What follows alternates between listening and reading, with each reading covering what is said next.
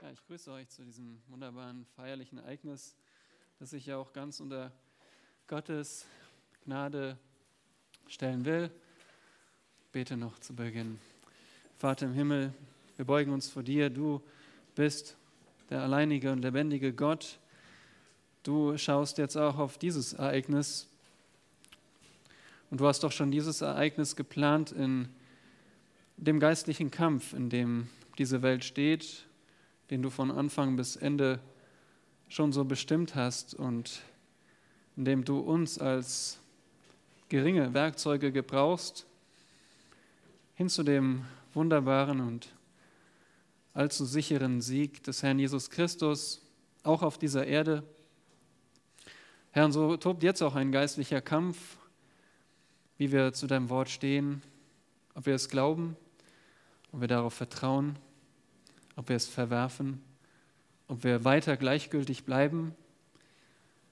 Vater, bitte hab Erbarmen über jede Seele, die dich nicht kennt, die fern von dir lebt. Mögest du Menschen retten und uns stärken und ermutigen. Und gerade auch Thomas vor allem stärken für diesen Beginn des ordinierten Dienstes. Bitte gib du uns für dein Wort nun offene Ohren und hilf uns, die Herrlichkeit Christi zu sehen. Und gib du auch Gnade zum Reden. Amen.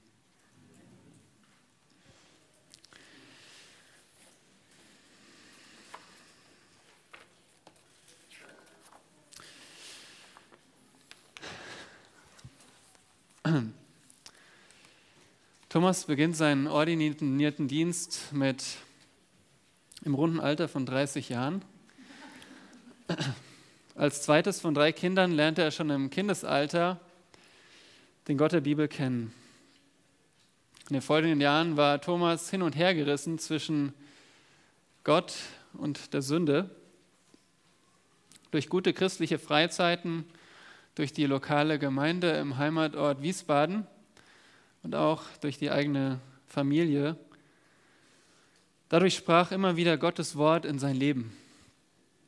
Angesprochen durch eine Ferienbibelschule rang Thomas mit Heilsgewissheit und bat den Herrn um Errettung. Seitdem ging Thomas seinen Lebensweg mit und für den Herrn Jesus Christus. Angetrieben von dem Wunsch, die Bibel noch gründlicher zu kennen, entschloss er sich nach dem Abitur für einen Zivildienst in Berlin, um auch Teil der Bibelgemeinde Berlin zu werden. Zunächst waren da viele, waren die vielen Sonntagsschichten an der Zivi-Stelle ein schwer anzunehmender Stein auf dem Weg, in Gottes Weisheit zu wachsen. Thomas bewies erfrischende Treue und demütigen Dienst als Zivi im Krankenhaus und Gott formte ihn weiter zu einem weisen Mann, ohne dass er es so bewusst mitbekam. Die Lehre von Gottes Wort saugte Thomas auf. Nach seinem Zivi wurde er Gemeindepraktikant und verfasste eine sorgfältig recherchierte und literarisch wertvolle Gemeindechronik. Auch das Unistudium oder die spätere Vollzeitarbeit taten Thomas Dienst in der Gemeinde keinen Abbruch. Thomas diente schon in verschiedensten Dienstbereichen und interessierte sich auch bald für den Lehrdienst, indem er sich als von Gott begabter Mann erwies. Während sein Bruder sich in Kindheit und Jugend schwerer tat mit Beziehungen zu anderen Menschen, war Thomas immer gern unter Leuten. Und auch hier in der Gemeinde wurde er schnell als Freund, als Diakon, als Hauskreisleiter geschätzt. Vor allem eine Person tat es Thomas besonders an, und so fand Thomas hier die Frau seines Lebens, seine geliebte Katrin, die ihn in jeder Lebenslage die letzten neun Jahre unterstützte. Gemeinsam mit Kindern und Koffern zogen sie 2015 nach Los Angeles, um Thomas Hunger nach Zurüstung in Gottes Wort dort am Predigerseminar The Master Seminary zu stillen.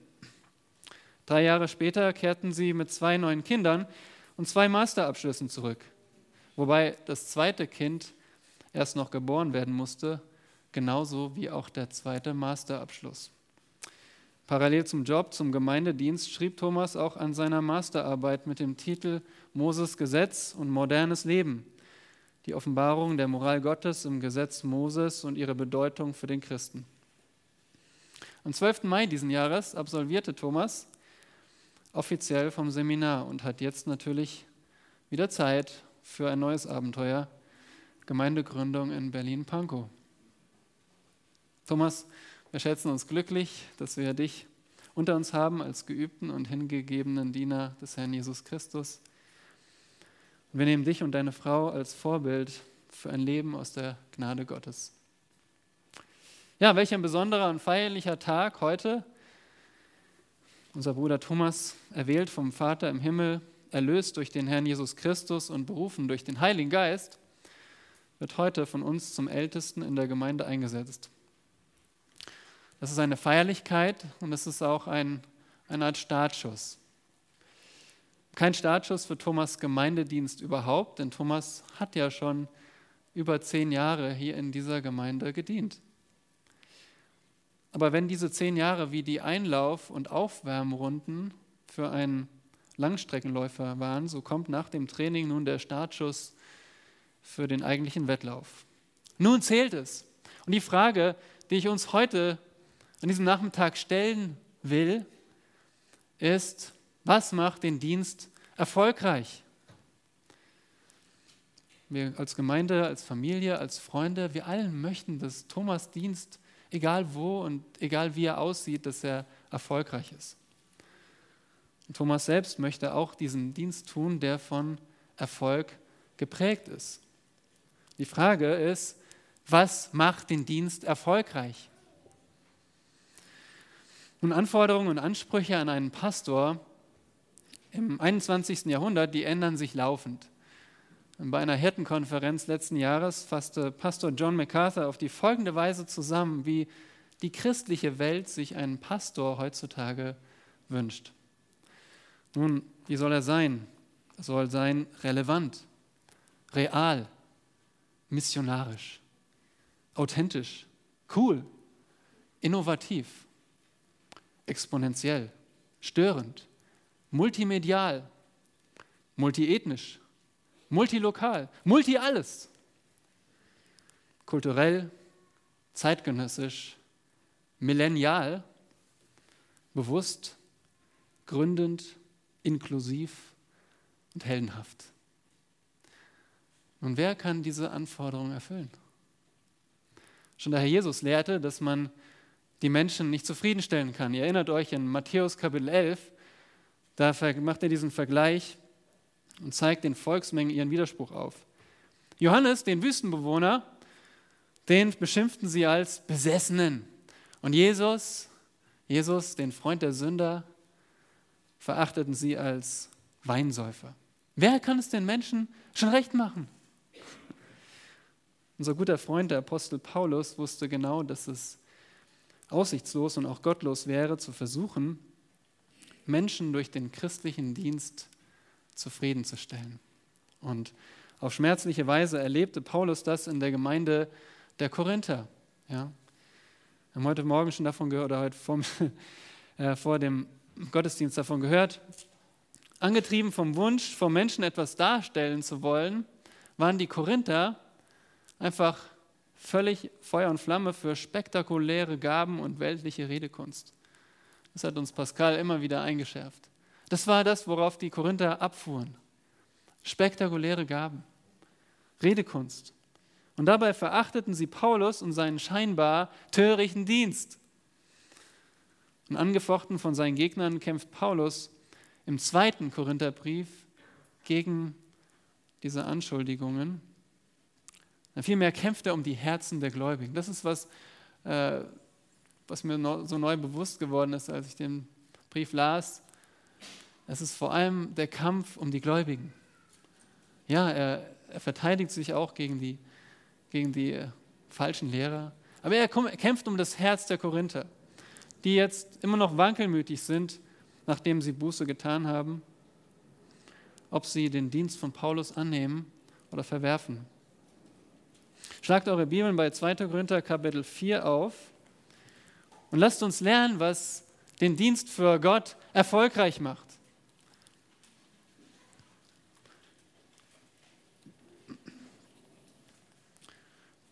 Kurz zur Lage. Paulus hatte diese Gemeinde in Korinth, im Handelszentrum Korinth, dort auf der Landbrücke in Griechenland, selbst gegründet. Und vier Jahre später war die Gemeinde zerstritten und gespalten. Briefe und Besuche hielten scheinbar den Zerfall nicht auf. Und falsche jüdische Apostel hatten die Gemeinde mit ihren Angriffen auf Paulus Charakter infiziert. Die Frage war, wie konnte Paulus ein Bote Gottes sein, wenn er so viel leidet? Das war für sie einfach nicht zu verstehen und das war auch der Angriffspunkt zu sagen, schaut euch den Paulus an, wie viel der leidet, wie viel der verfolgt wird. Das kann doch kein Mann Gottes sein. Der muss doch, der muss doch beliebt sein. Der muss doch innovativ sein. Der muss multi alles sein. Wie auch immer sie das damals definiert haben. Nun, Paulus ist auf dem Weg nach Korinth. Er hat darum gerungen, dass sie Buße tun und jetzt hat er gehört, dass sie tatsächlich Buße getan haben. Er bekommt diese Nachricht von Titus und Paulus ist, ist überglücklich darüber, über diese Nachricht, aber er weiß als guter Pastor, als Hirte, dass die Korinther immer noch wankelmütig sind, dass sie leicht wieder sich gegen Paulus stellen könnten. Und so schreibt er diesen Brief sozusagen auf dem Reiseweg. Und in diesem Brief, ja, da erklärt er seinen Dienst auf so ausführliche und persönliche Weise.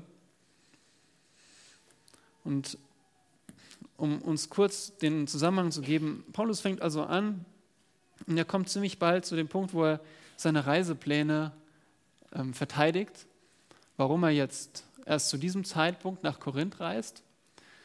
Und das ist ganz interessant, weil er ist, er ist so mitten dabei zu schreiben, wie seine Reise verlaufen ist und dann in 2 Vers 14, da, da springt er auf einmal auf einen ganz anderen ähm, Pfad und beginnt auf einmal seinen Dienst zu erklären.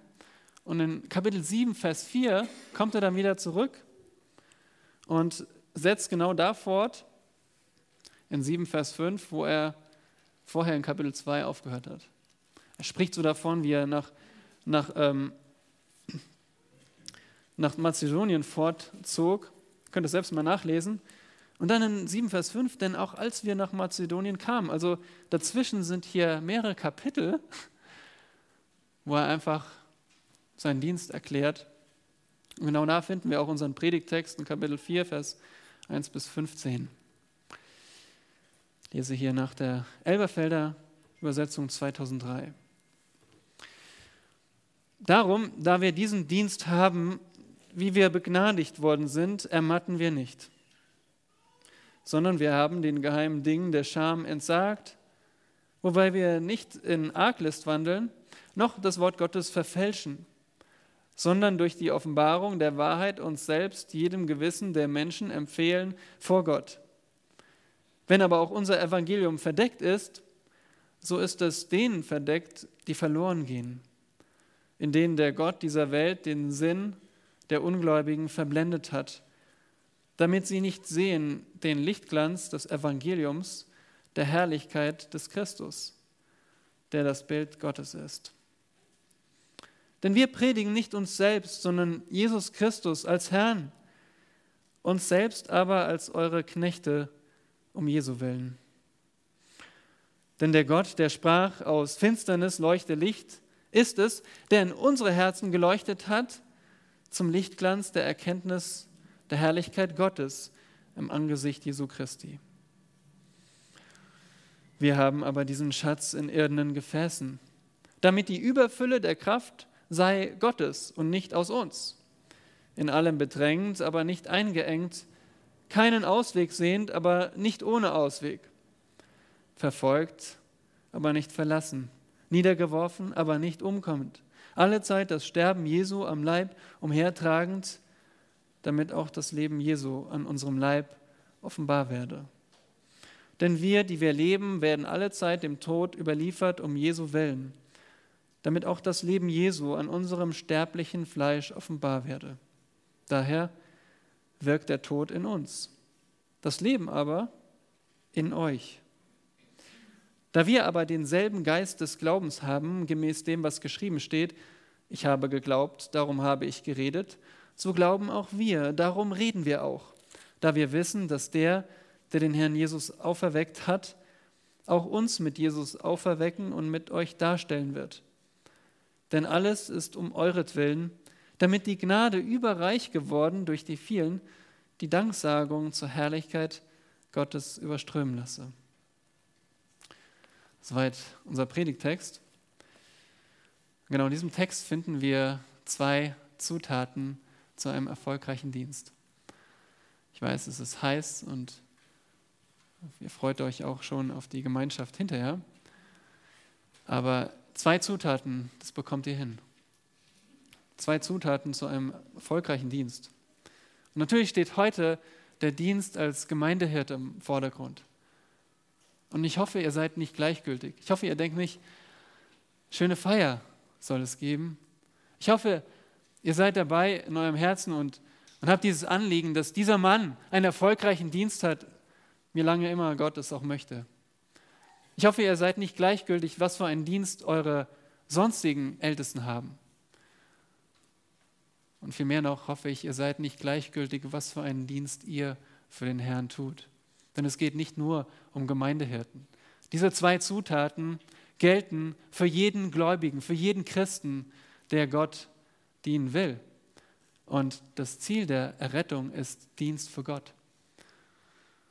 Es steht in 1. Thessalonicher 1, Vers 9, wo Paulus schreibt, dass die Thessalonicher sich bekehrt haben von den Götzen, um dem lebendigen Gott zu dienen. Das ist unser Ziel. Deswegen hat Gott es alles auf sich genommen und seinen Sohn am Kreuz bluten lassen, damit wir ihm von Herzen dienen. Und es gibt zwei Zutaten für einen erfolgreichen Dienst. Was ist die erste Zutat? Eine starke Botschaft. Die erste Zutat, die wir in Versen 1 bis 6 sehen, ist eine starke Botschaft. Und ihr seht jetzt sehr viele Punkte darunter. Das sind einfach Wahrheiten, die wir aus diesem Text heraus lernen. Die werden nicht besonders umfangreich sein, denn sonst wären wir morgen noch hier. Und die erste und wichtigste Zutat für einen erfolgreichen Dienst ist nicht, wer wir sind. Es ist nicht der Typ, sondern es ist, was wir zu sagen haben. Entscheidend ist nicht der Kandidat, sondern die Kunde. Und die Kraft dieser starken Botschaft wird auf zehnfache Weise offenbar. Und das erste ist die starke Botschaft entspringt dem neuen Bund.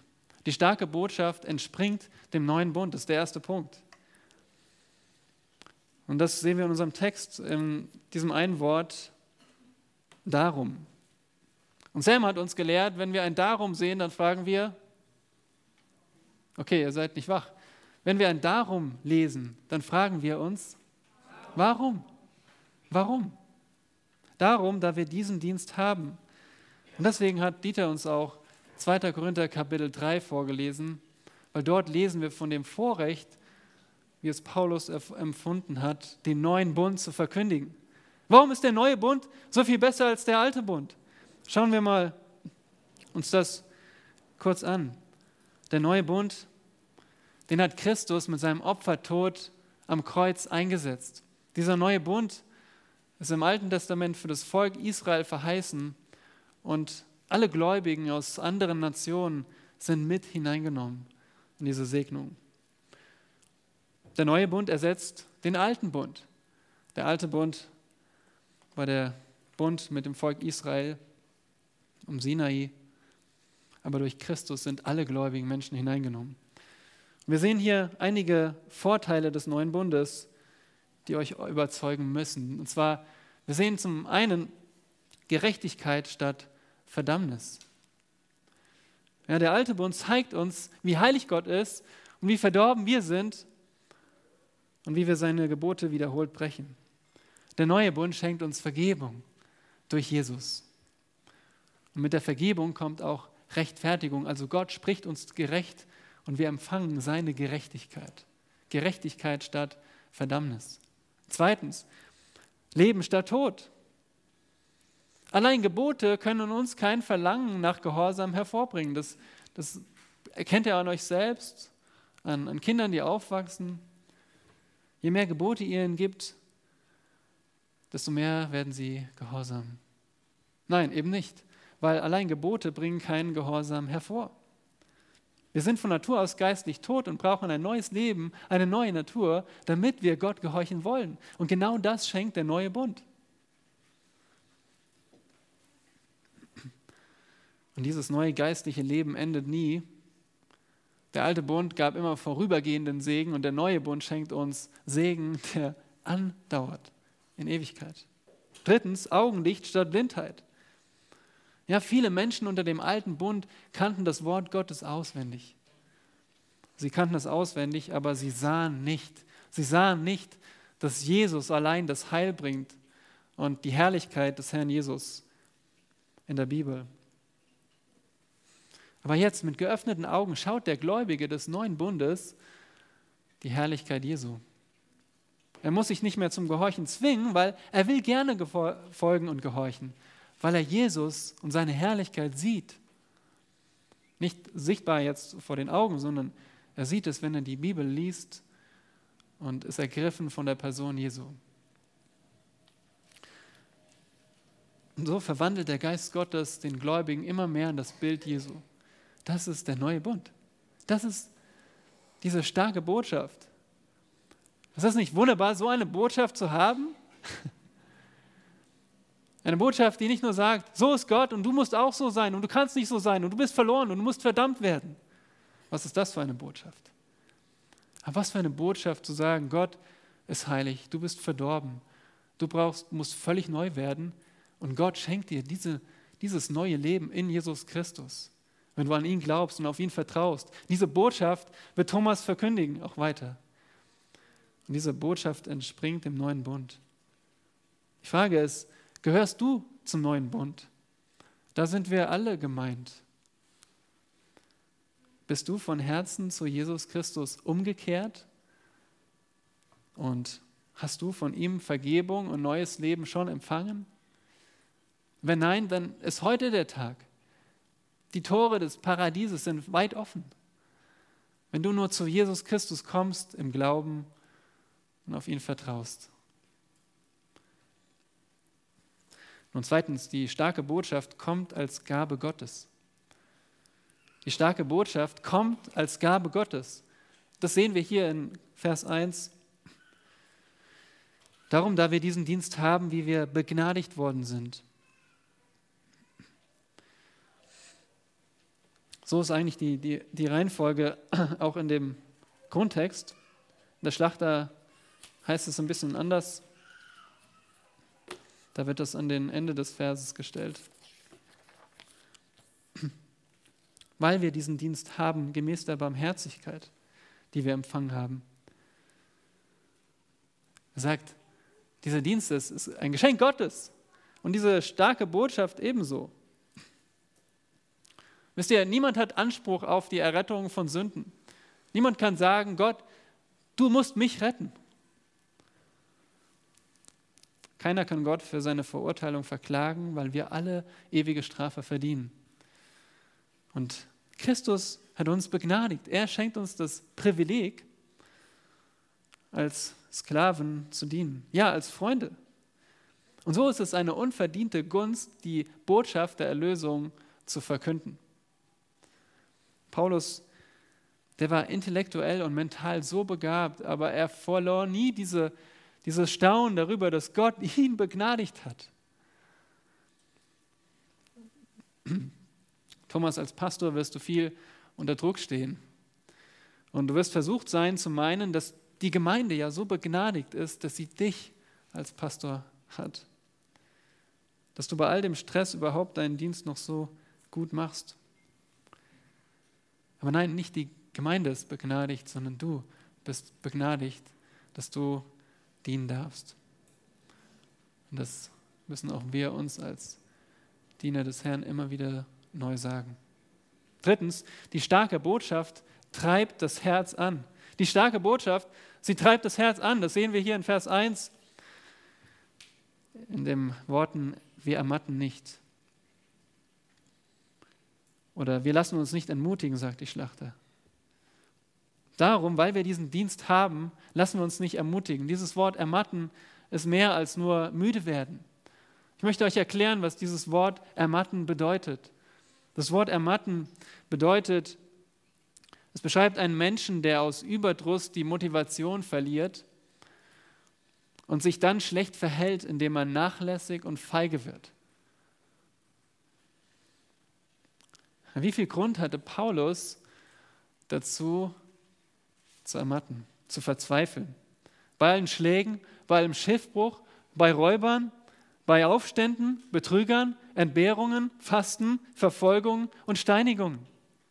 Wie viel Grund hatte er, die Motivation zu verlieren und dann nachlässig oder feige zu werden?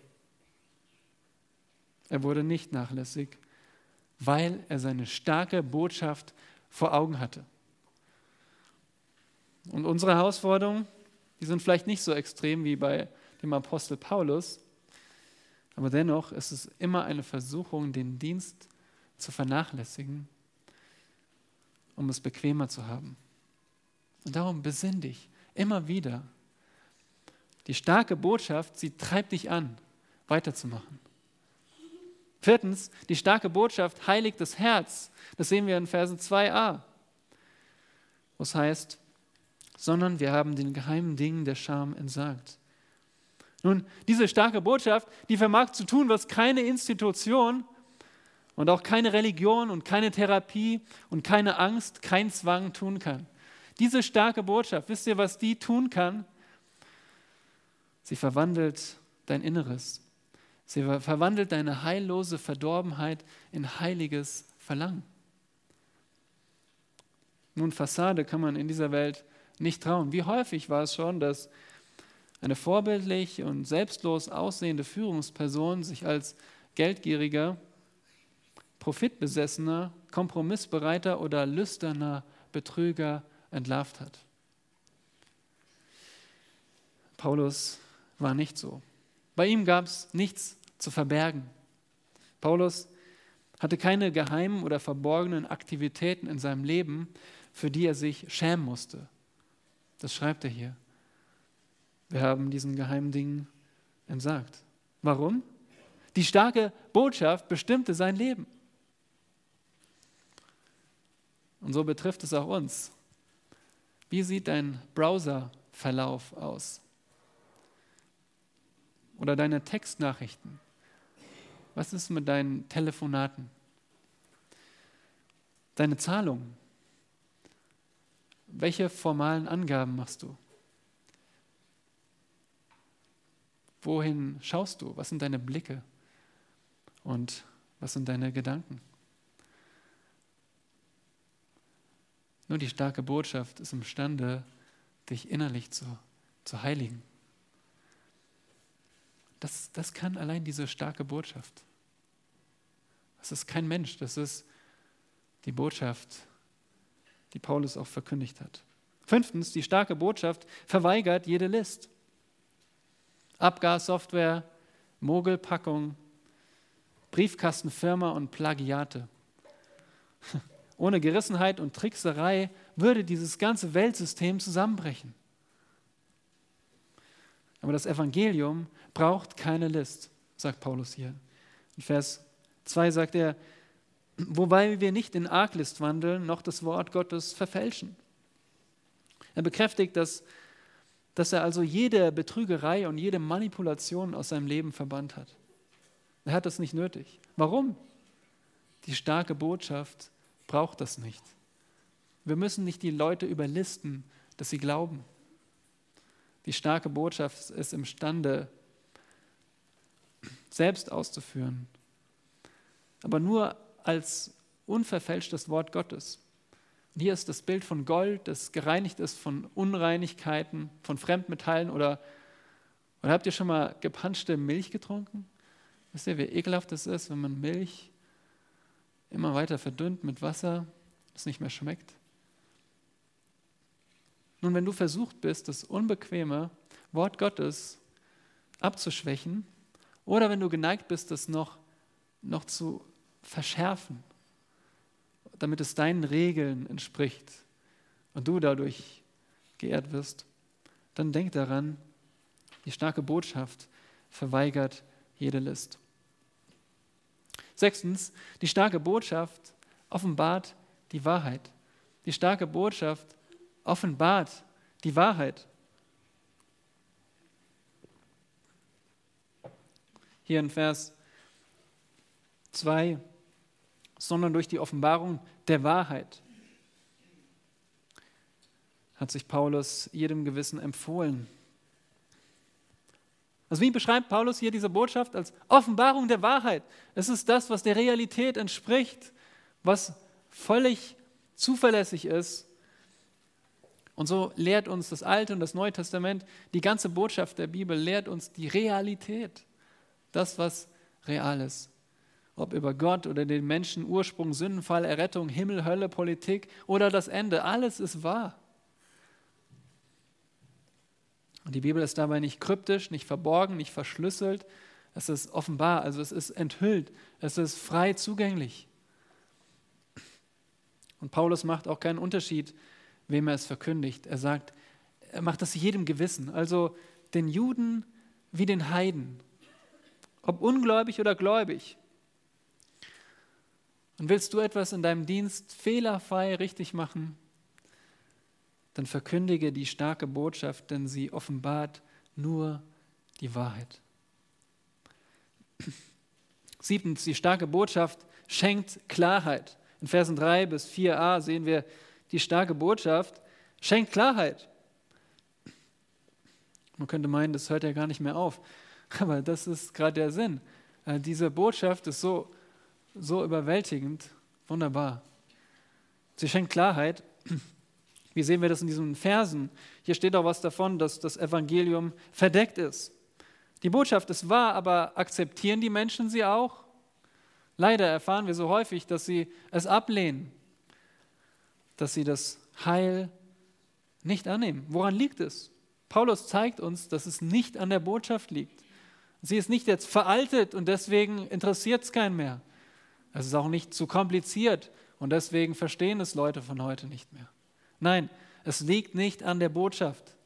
Es liegt nicht an der Botschaft. Schaut in den Text, woran es liegt. Hier steht, dass das Evangelium verdeckt ist. Warum? Weil der Gott dieser Welt, das ist nicht unser Gott, der dreieinige Gott, das ist eine Bezeichnung für den Teufel, für den Satan. Der Gott dieser Welt hat den Menschen die Augen verblendet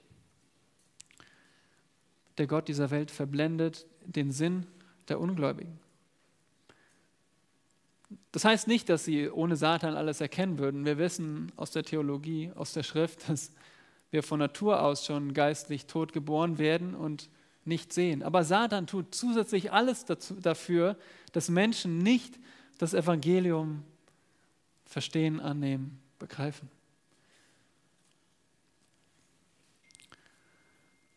Es liegt nicht an der Botschaft, dass Menschen nicht glauben. Aber was sollen sie eigentlich und müssen sie sehen? Was müssen wir sehen, wenn wir diese Botschaft hören? Nun, die starke Botschaft achtens verherrlicht Christus in Vers 4, der zweite Teil. Da heißt es hier, Vers 8, sodass ihnen das helle Licht des Evangeliums von der Herrlichkeit des Christus nicht aufleuchtet. Eigentlich, sodass sie nicht sehen, damit sie nicht sehen den Lichtglanz des Evangeliums, der Herrlichkeit des Herrn Jesus Christus, der das Bild Gottes ist. Die starke Botschaft verherrlicht Christus. Ja, im Gegensatz zur Unglauben und der Dunkelheit damit verbunden ist das Evangelium wie, wie ein Lichtglanz. Es macht das Licht an. Und vor allem strahlt darin der Sohn Gottes hervor. Licht ist so ein treffendes Bild für das Evangelium, weil es schenkt, offen, es schenkt Orientierung, es schenkt auch Gottes Wohlwollen und ewiges Leben. All das ist so, so schön dargestellt mit dem Licht. Und dabei ist Jesus Christus die geistliche Lichtquelle Denn sein vollkommenes Wesen der Liebe, der Gerechtigkeit, Gnade und Heiligkeit, sein vollkommenes Wesen strahlt in der Botschaft vom Kreuz und vom leeren Grab hervor. Das ist echtes Licht. Und das müssen wir sehen. Das Licht, das im Evangelium zum Schein kommt. Und wie können wir dieses wunderbare Evangelium in einem Wort zusammenfassen?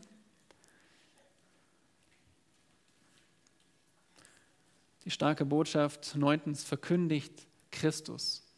Christus ist dieses eine Wort. Und deswegen sagt Paulus in diesem wunderbaren Vers, in Vers 5, denn wir predigen nicht uns selbst, sondern Jesus Christus als Herrn. Ja, ging es nur um den Prediger, dann wäre diese Botschaft so wie ein Hammer aus Papier geschnitten. Könnt ihr euch das vorstellen? Ihr macht einen Umriss von einem Hammer schneidet ihn aus und versucht damit einen Nagel einzuschlagen. Genau so ist die Botschaft, die sich nur um den Prediger dreht. Sie ist kraftlos und sie wird nichts ausrichten. Aber nur weil Paulus predigt allein Christus zum Fokus hat, darum hat sie Kraft.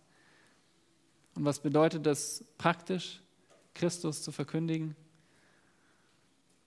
Christus als historische Person, als wahrer Gott, als den Souverän, als den Triumphator, als den lebendigen Herrn.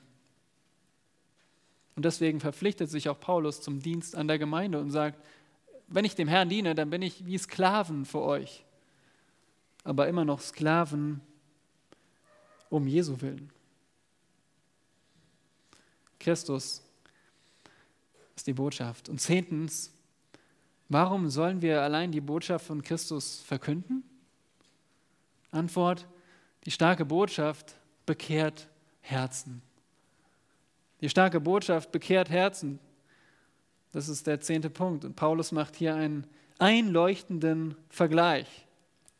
So wie Gott in der Schöpfung, in Vers 6, so wie Gott in der Schöpfung das sichtbare Licht durch sein Wort erschuf, so erschafft Gott die Erkenntnis im Herzen des Menschen ebenfalls durch sein Wort, durch das Wort von Jesus Christus.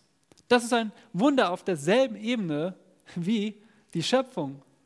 Wenn ein ungläubiger Mensch auf einmal Jesus Christus sieht, nicht nur weiß, dass er der Sohn Gottes ist, sondern wenn er seine Herrlichkeit sieht, wenn du ihm Jesus Christus verkündest und seine Augen gehen auf, er leuchtet, sein Gesicht strahlt, er ist davon ergriffen, dann ist das wie äh, so ein Wunder, wie wenn Gott das Licht erschaffen hat.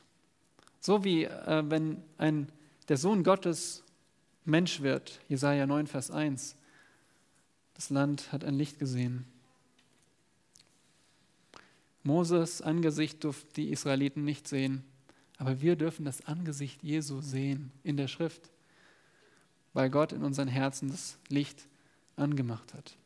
Und das ist die starke Botschaft. Macht euch das nochmal bewusst, sie entspringt dem neuen Bund. Sie kommt als Gabe Gottes. Sie treibt das Herz an. Sie heiligt das Herz.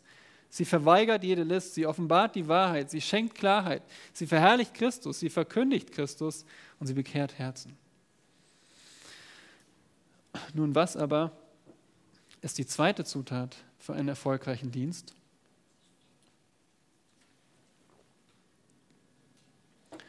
Die zweite Zutat für einen erfolgreichen Dienst ist ein schwacher Botschafter. Ein schwacher Botschafter. Das habe ich mir nicht selbst ausgedacht. Ich wollte jetzt nicht irgendwie die Party verderben. Aber darin liegt ein, eine große Ermutigung. Das hat mich so ermutigt und ich möchte euch das weitergeben, was darin für eine Ermutigung liegt, zu verstehen, dass die zweite Zutat ein schwacher Botschafter ist für einen erfolgreichen Dienst. Nach der starken Botschaft geht es Paulus jetzt um sich selbst, um den unbeschönigt schwachen Botschafter. Das ist kein Unfall und auch kein Ausnahmefall, dass dieser Botschafter schwach war. Das ist Gottes Regelfall. Der schwache Botschafter als notwendige Zutat für Erfolg im Dienst steht auch heute noch auf dem Plan.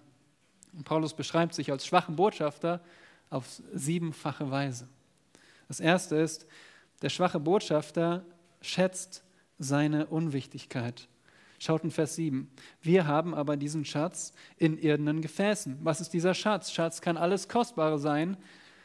Und was ist dieser Schatz hier im Zusammenhang? Ihr müsstet es jetzt wissen. Der Schatz ist das herrliche Evangelium, die Botschaft, diese starke Botschaft vom neuen Bund, die uns geschenkt wurde, die das Herz antreibt. Ich brauche nicht mehr alles wiederholen, oder? Ihr habt es hoffentlich aufgeschrieben. Aber dieses Evangelium ist der Schatz im irdenen Gefäß. Und ein irdenes Gefäß, wer von euch weiß, was ein irdenes Gefäß ist? Keiner? Nun, ja, ein Ton. Tongefäß. Irden, äh, das kommt von sowas wie Erde, Erde, äh, Lehmerde, äh, Tonerde. Und ein irdenes Gefäß ist ein Gefäß aus Ton zum Aufbewahren verschiedenster Dinge.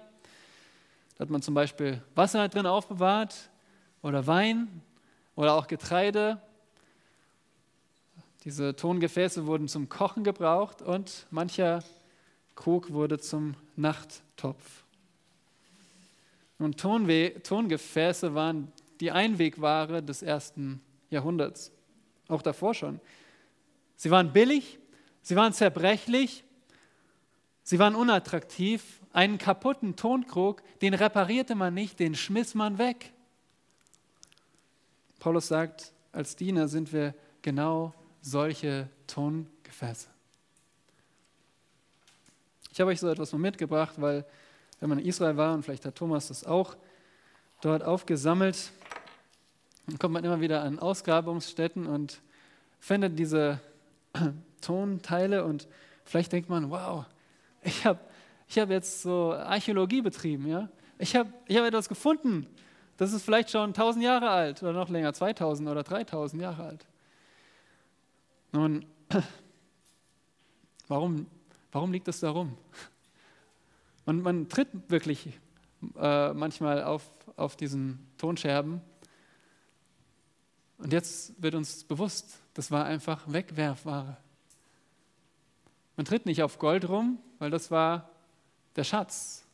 Aber die Hülle oder das Gefäß war Wegwerfware, so wie wenn man eine Ladung Schmuck und Goldringe in eine Plastiktüte packt. Ich habe mal im Internet spaßeshalber geschaut. So eine Menüschale aus Polypropylen, also aus Plastik, wird in Mengen von 300 Stück verkauft. Ja? Da kann man nicht eine einzelne Schale kaufen, sondern gleich 300 auf einmal für 65,50, also 20 Cent pro Schale. Das wäre ein Vergleich für heute. Wir sind die Plastikschalen, sagt Paulus. Was will er damit sagen? Er sagt, es besteht ein unübersehbarer Gegensatz zwischen der Kostbarkeit der Botschaft und der Kraftlosigkeit des Predigers. Die Botschaft ist edel, der Botschafter ist elendig. Die Botschaft ist extraordinär und der Botschafter ist ordinär. Die Botschaft ist herrlich, der Botschafter herkömmlich. Die Botschaft ist stark, der Botschafter schwach. Die Frage an uns, an mich, an dich, Thomas, ist, siehst du deine Schwachheit? Schätzt du deine Schwachheit? Und das ist der Punkt. Ich nehme es jetzt schon vorweg. Aber nur, wenn wir unsere Schwachheit schätzen und wenn unsere Schwachheit sichtbar wird, dann erst wird deutlich, dass jede geistliche Frucht nicht durch den Menschen zu erklären ist, sondern nur durch Gottes Kraft, die durch diesen Mann wirkt, die durch diesen Menschen wirkt dann nur wird Gott verherrlicht. Weil sonst ist es doch der Paulus, dieser besondere Mann. Was hat der für Frucht hervorgebracht? Nein, Gottes Absicht ist, dass wir als schwache Botschafter die Botschaft bringen, damit unweigerlich klar wird, nicht hinweg zu erklären ist, dass es nur an Gottes Kraft liegt. Und jetzt, wenn wir das verstanden haben, Gehen wir diese letzten Punkte durch. Der schwache Botschafter zweitens verlässt sich auf Gottes Stärke. Der schwache Botschafter verlässt sich auf Gottes Stärke. Als entschlossener Diener Gottes zog Paulus die Schwachheit und Bedrängnis an, wie das Licht die Fliegen. Mit vier Gegensätzen blickt er auf seinen leidgeprüften Dienst. Hier in Vers 8 bis 9. Erstens, er war bedrängt von jeder Art Druck, aber er war nie in die Enge getrieben. Er war immer wieder ratlos, aber er war nie völlig ratlos. Das ist ein, ein echt schönes Wortspiel hier.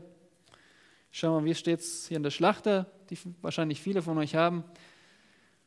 Da steht in Vers 8, zweiter Teil, wir kommen in Verlegenheit, aber nicht in Verzweiflung. Also eigentlich ist hier dasselbe Wort, nur mit noch einem Zusatz vorne dran. Also wir sind verzweifelt, aber nicht völlig verzweifelt. So müsst ihr euch das vorstellen. Wir sind verzweifelt, aber nicht völlig verzweifelt. Drittens, wir sind gejagt wie ein wildes Tier, aber nie völlig verlassen. Und viertens, ähm, gebraucht er hier ein Wort, um zu zeigen, dass er auf den Boden gerungen ist, dass er K.O. ist. Das bedeutet das Wort, wir werden niedergeworfen, aber wir kommen nicht und, aber wir sind nicht gestorben, aber wir leben noch. Und damit zeigt er mit diesen Gegensätzen, dass er nur durch Gottes Kraft immer noch steht. Und genauso sind wir als Diener völlig abhängig von Gottes Kraft.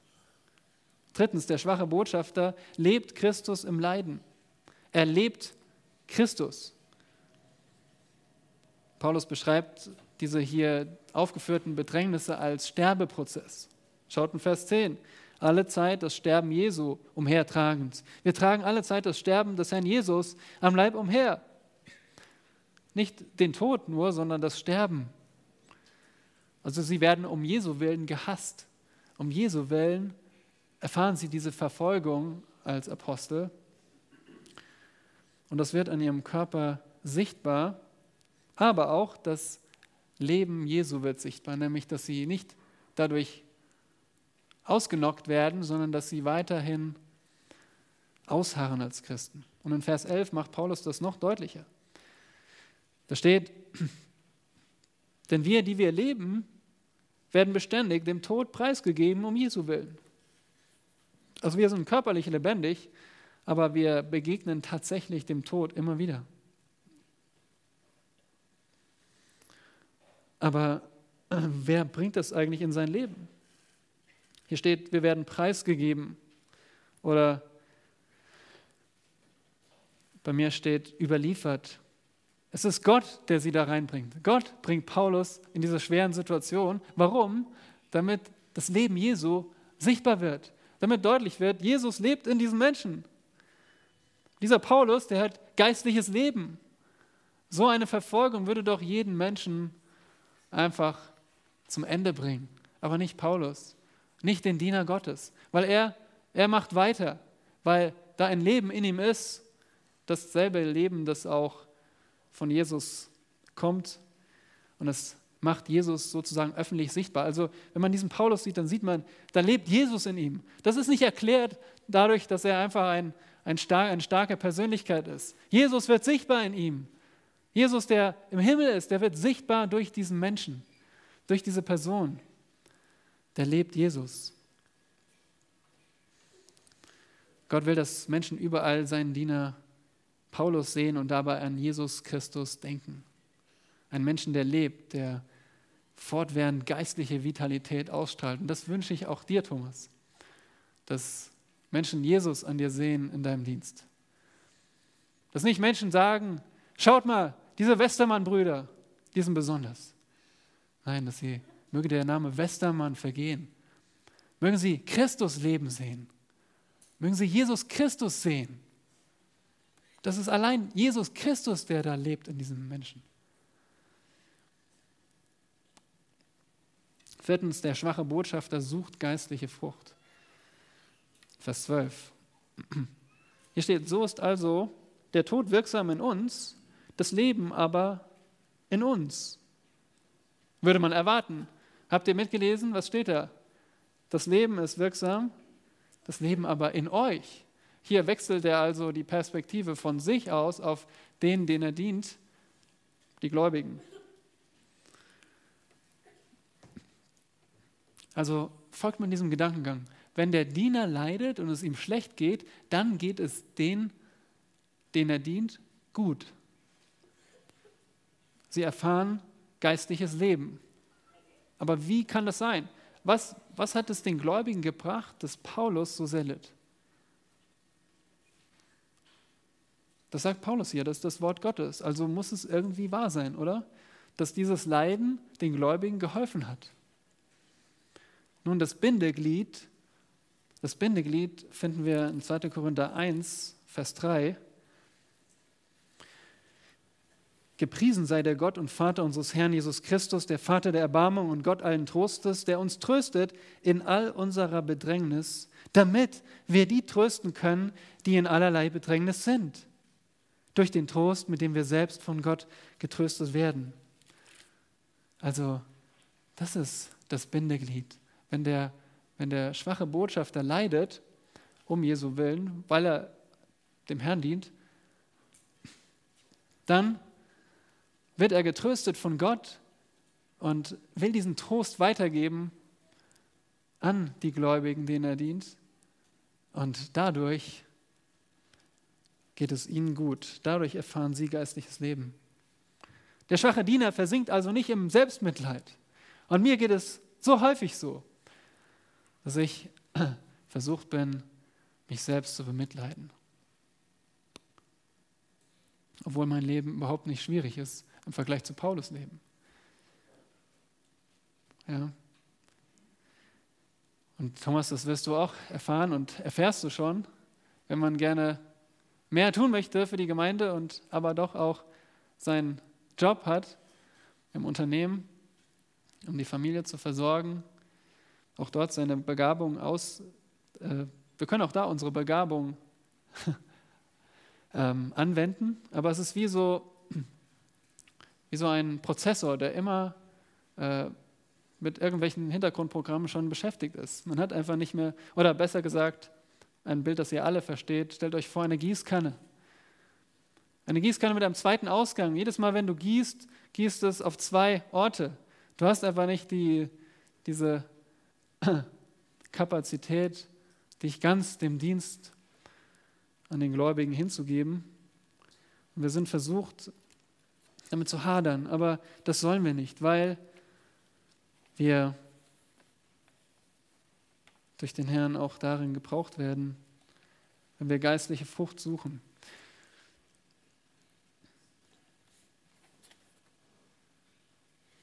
Wir denken nicht an uns selbst, sondern wir denken an die Kinder Gottes. Was aber, wie aber passiert der Dienst oder Bedrängnis?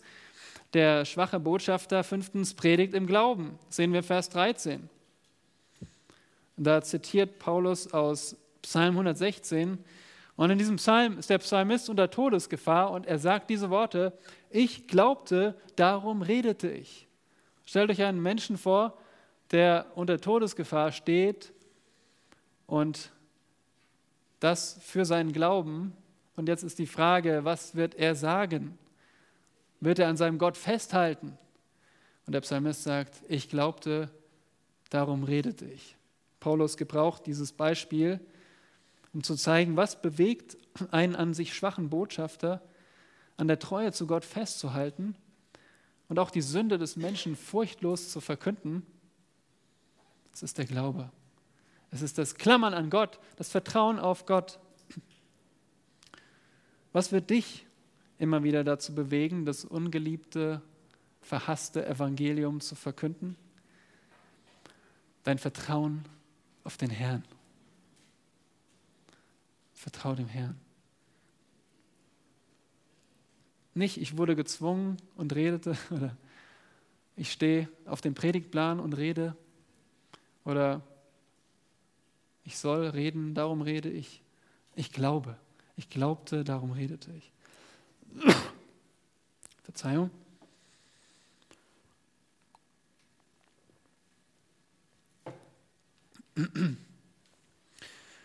Der schwache Botschafter sechstens hofft auf die Auferstehung. Vers 14. Mehr als, wir, als wir, mehr als wir lebte Paulus häufig in Lebensgefahr und jeder Tag konnte sein letzter sein. Aber was, was gab ihm Hoffnung? In Vers 14 sagt er, es ist die Auferstehung Jesu. Weil der einmal gestorbene Herr Jesus Christus auferstanden ist, werden auch wir Gläubige auferstehen. Selbst wenn unser Körper gesteinigt, erstochen oder erschossen wird.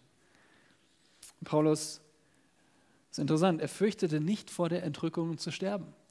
Er hat keine Angst davor gehabt zu sterben, bevor der Herr wiederkommt, weil er wusste, ich werde auferstehen. Das ist meine Hoffnung, auch wenn ich so leide.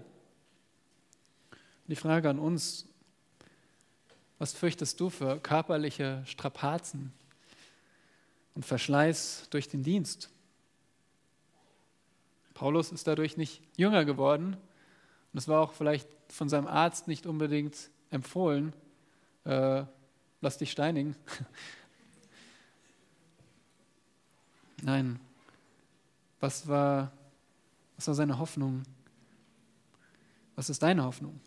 Christ, du wirst wieder auferstehen wie Jesus, ihn sehen und deinen Lohn ihm freudig hinwerfen und dich ewig in deiner Nähe freuen. Das ist die Hoffnung für einen schwachen Botschafter. Und schließlich, der schwache Botschafter zielt auf Gottes Ehre. Hier in Vers 15, wo es heißt, denn alles ist um euretwillen. Alles meint alles predigen, alles dienen, alles lehren, alles leiden. All das tat er zum Vorteil der Korinther. Und was war sein Ziel? Er wollte, dass die Gnade Gottes überreich wird. Damit die Gnade überreich geworden durch die vielen. Also in anderen Worten, viele sind hier Menschen. Er wollte, dass die Gnade überreich wird, dadurch, dass sich noch mehr Menschen, dass sich viele Menschen bekehren und wie Christus werden. Warum? Was passiert, wenn mehr und mehr Menschen gläubig werden und zu Christus kommen? Was passiert? Diese Menschen werden den lebendigen Gott lieben und ehren und ihm danken. Und das wollte Paulus. Er wollte, dass am Ende mehr Menschen Gott ehren. Das war sein Ziel.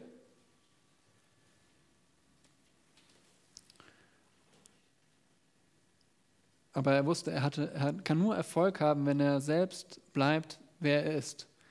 Ein schwacher Knecht, der ohne die Kraft seines Herrn nichts bewirken konnte. Ja, und diesen Erfolg im Dienst wünsche ich dir, lieber Thomas, wünsche dir diesen Dienst, wie ich ihn uns allen wünsche. Ich wünsche dir große Freude, dein Leben für den Dienst zu geben und ich wünsche dir durchzuhalten, wie Paulus ausgeharrt hat. Und jetzt kommen die Verse 16 bis 18. Das sind nämlich drei Motivationen zum Durchhalten. Und ihr habt so lange durchgehalten, deswegen werde ich diese drei Motivationen zum Durchhalten einfach nur vorlesen.